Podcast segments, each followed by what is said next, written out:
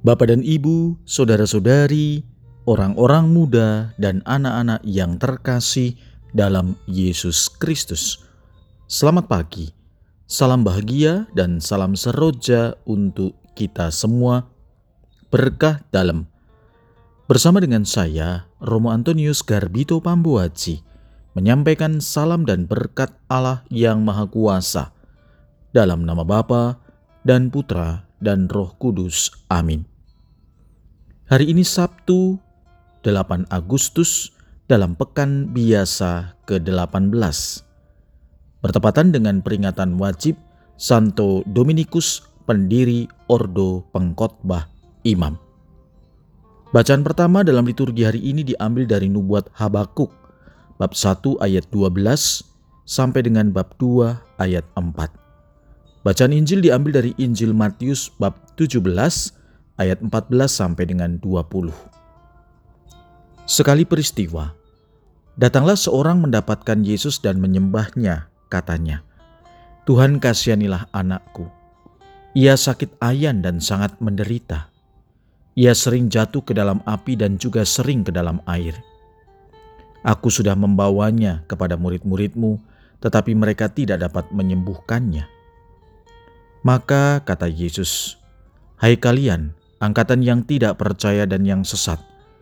Berapa lama lagi aku harus tinggal di antara kalian? Berapa lama lagi aku harus sabar terhadap kalian? Bawalah anak itu kemari. Dengan keras Yesus menegur roh jahat itu lalu keluarlah ia daripadanya dan anak itu pun sembuh seketika itu juga.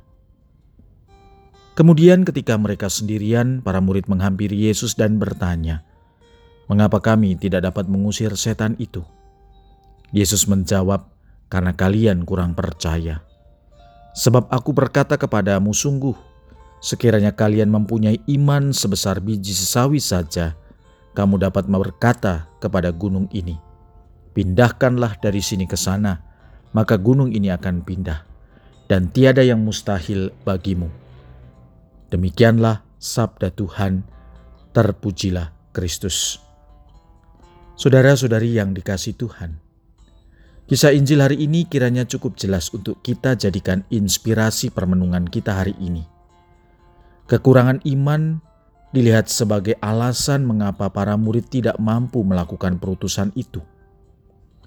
Para murid disadarkan pada peristiwa ini agar mereka tidak berkarya untuk kepentingan diri sendiri, demi mencari ketenaran, pamer kehebatan, tetapi sungguh menampilkan kekuatan Allah – yang memberi segala kuasa yang berkarya di dalam kehidupan mereka.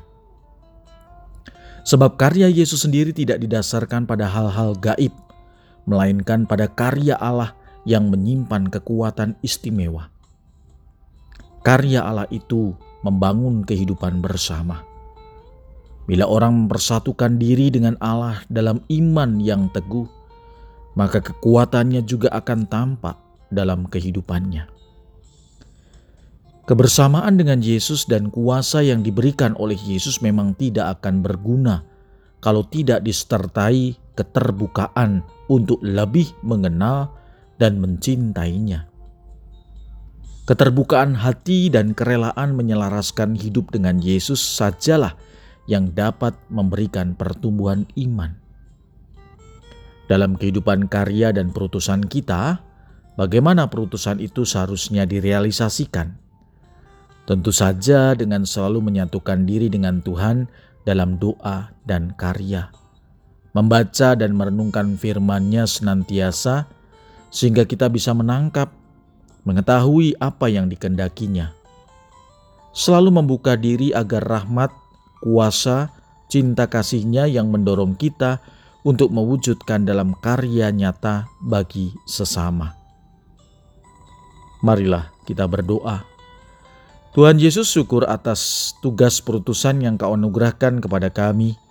Semoga berkat persatuan kami dengan engkau, kami senantiasa menghadirkan wajahmu kepada sesama yang kami layani lewat karya dan tugas perutusan ini. Berkat Allah yang Maha Kuasa, dalam nama Bapa dan Putra dan Roh Kudus. Amin.